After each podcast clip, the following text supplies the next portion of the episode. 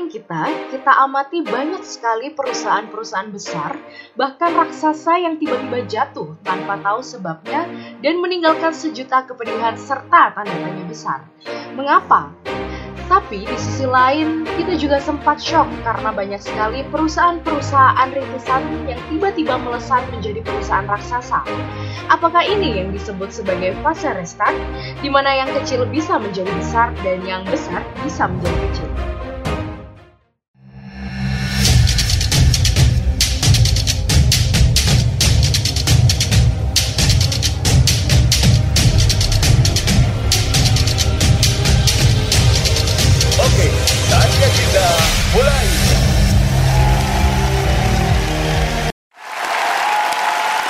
Oke, oke, oke, oke. Terima kasih, terima kasih. Thank you buat sahabat-sahabat Digitalk ya yang tetap setia untuk stay tune di channel Digital Podcast hari ini. Thank you juga untuk Sesa. Bagus sekali tadi introduce dari kamu bahwasanya disruption adalah real restart your business. Jadi yang dikatakan sebagai disruption ini kalau boleh kita mencermati dari maknanya terlebih dahulu, disruption adalah disruptive innovation. Kita melakukan sebuah inovasi-inovasi untuk mengganggu ya, istilah harfiahnya seperti itu. Tapi kalau kita istilahkan dalam ekonomi digital, disruption ini adalah sebuah fase di mana terjadinya restart. Dikatakan sebagai fase restart, kita memiliki posisi yang sama saat ini. Tidak memperdulikan itu adalah sebuah perusahaan besar ya, perusahaan yang sudah legend ya, perusahaan yang sudah kuat sekali tidak diper, tidak memperdulikan itu. Jadi semua memiliki posisi yang sama saat ini dengan perusahaan-perusahaan kecil atau perusahaan-perusahaan rintisan. Dan sebaliknya impact yang akan terjadi namanya restart, yang besar bisa menjadi kecil. Dan yang kecil pun tiba-tiba bisa menjadi besar. Banyak sekali contoh-contoh yang bisa kita lihat dalam keseharian kita. Salah satu di antaranya, mohon maaf, mohon izin, saya menyebutkan merek di situ ya. Ada kisah Nyonya Menir, sebuah perusahaan legenda ya untuk jamu-jamu herbal di Indonesia.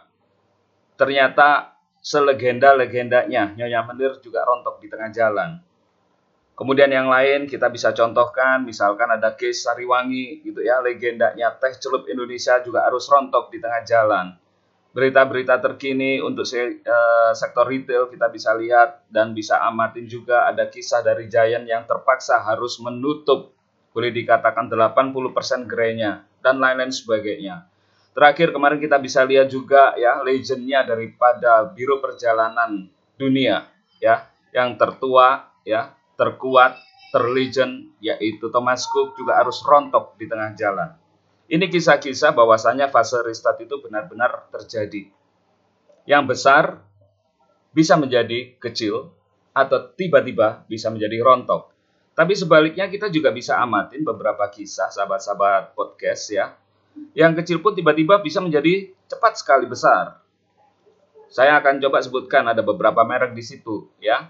Misalkan adalah Gojek, perusahaan yang dirintis kurang lebih 3 sampai 5 tahun terakhir ini tiba-tiba memiliki valuasi di atas 100 triliun. Anda bisa bayangkan usaha jenis apa? Harus kita lakukan dengan cara seperti apa? Tiba-tiba bisa mendapatkan valuasi sebesar itu. Ini contoh-contoh kecil. Di situ juga ada Grab, di situ juga ada Traveloka, di situ juga ada Ruang Guru dan lain-lain sebagainya. Ini yang saya katakan dalam fase restart, ada beberapa kondisi yang perlu kita perhatikan. Agar apa? Yang besar tetap bisa menjadi besar atau bahkan menjadi lebih besar lagi. Bahkan yang kecil juga sama bisa berkembang menjadi besar. Beberapa hal yang bisa dijadikan satu masukan di sini bahwasanya apa? Salah satu yang menjadi sumber masalah kejatuhan perusahaan-perusahaan itu adalah mereka masih membawa paradigma kejayaan kesuksesan mereka di masa lalu konsep-konsep mereka di masa lalu sudah tidak berjalan lagi di masa ini. Karena apa? Di dalam era disruption dikenal sebuah pengkondisian namanya trilogic of disruption. Bahwasanya apa? Kita tidak cukup hanya melakukan sebuah proses perubahan. Dalam artian apa? Merubah masa lalu menuju masa kini. That's not enough. Yang kita maui yang disruption Maui di era ini adalah menghadirkan masa yang akan datang menuju masa kini. Ini perbedaan prinsip sahabat-sahabat digital terkasih. Jadi ketika kita masih membawa kejayaan masa lalu kita, kita membawa konsep-konsep keberhasilan kita di masa lalu, belum tentu itu bisa diimplementasikan di saat ini. Karena apa? Orang-orang yang berjaya di masa lalu ini berkecenderungan untuk apa? Bersikeras dengan tata cara mereka di masa lalu. Padahal masa ini adalah masa disruption. Disruption menginginkan satu hal, sahabat-sahabat digital terkasih. Bagaimana kita bisa menghadirkan sesuatu yang akan datang menuju masa kini? Saya ambil satu kisah, kalau kita belajar sedikit tentang bisnis model digitalnya daripada Gojek misalkan. Dahulu orang berpikir apakah mungkin kita tinggal ketok-ketok di aplikasi, di HP kita, di smartphone kita, tiba-tiba si pengantar datang menjemput kita, kemudian mengantarkan kita menuju kepada tempat di mana kita akan tuju. Kemudian angkanya, besaran rate-nya juga sudah terlihat di situ. Ini contoh-contoh yang akhirnya dihadirkan oleh Gojek. Sehingga apa? Walhasil menghadirkan masa yang akan datang menuju masa kini, ini adalah satu poin atau strong point untuk bisa menjadi juara. Dan betul adanya. Pun demikian halnya dengan ruang guru, misalkan, ya. Sekolah-sekolah konvensional mulai tergeser dengan sekolah-sekolah dunia maya seperti itu dan lain-lain sebagainya. Tetapi banyak juga perusahaan-perusahaan besar yang tiba-tiba jatuh. Karena apa? Mereka masih menggunakan konsep atau paradigma lamanya, cara kerja lamanya. Ini sekilas pengantar tentang disruption itu sendiri. Bahwasanya benar, disruption is the real restart our business. Sahabat-sahabat digital terkasih, kalau kita berbicara tentang fase restart, agar tidak membingungkan, kita bisa mengambil satu ilustrasi. Seandainya saya memiliki satu pertanyaan, apakah si A pernah ke bulan? Jika jawabannya belum, saya akan geser lagi kepada kawan yang lain yang istilahnya sudah mulai sukses dia. Apakah si B sudah pernah ke bulan? Ternyata belum juga. Saya akan geser lagi pertanyaan itu dengan si C. Si C lebih sukses lagi dari si B misalkan. Apakah C pernah ke bulan? Ternyata jawabannya dari beberapa responden sama. Belum pernah ke bulan.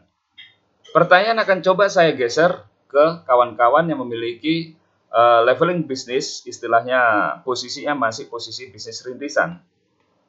Apakah si D pernah ke bulan? Ternyata jawabannya juga sama, belum. Apakah si E juga sama, sudah pernah ke bulan? Jawabannya sama, juga belum.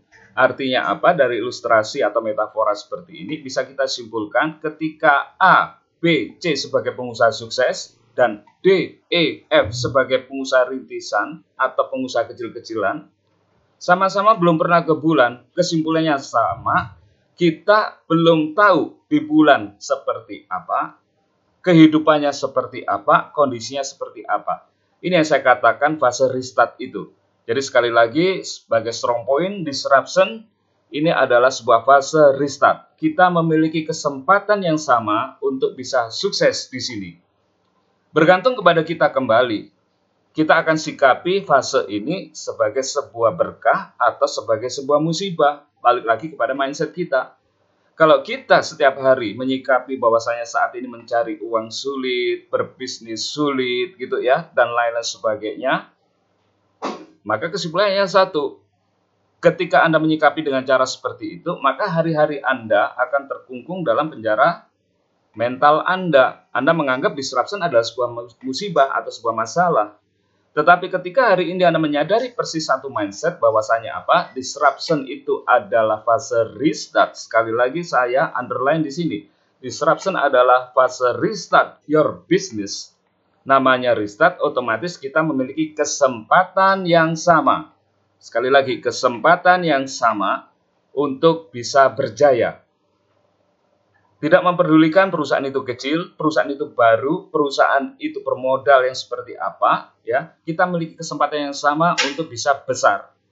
Dan sebaliknya bagi sebuah perusahaan besar tidak bisa istilahnya saat ini uh, berpangku tangan atau asal-asalan mengerjakannya. Karena apa? Mereka bisa juga memiliki kans untuk jatuh di era ini. Jadi sekali lagi itu gambaran sekilas tentang pengantar apa mengapa dan bagaimana sebenarnya disruption ini agar pada langkah-langkah berikutnya kita tidak salah mencermatinya. Intinya satu, do the best now. Itu sekilas pengantar awal untuk sesi digital hari ini. Berikutnya kita akan kupas bersama-sama, kita akan belajar bersama-sama, kita akan duduk bersama-sama untuk membahas langkah-langkah apa yang bisa kita lakukan menghadapi era ketidakjelasan seperti ini. Pantengin terus, stay tune terus di channel podcast digital kita. Sampai jumpa. Perubahan besar berawal dari sini.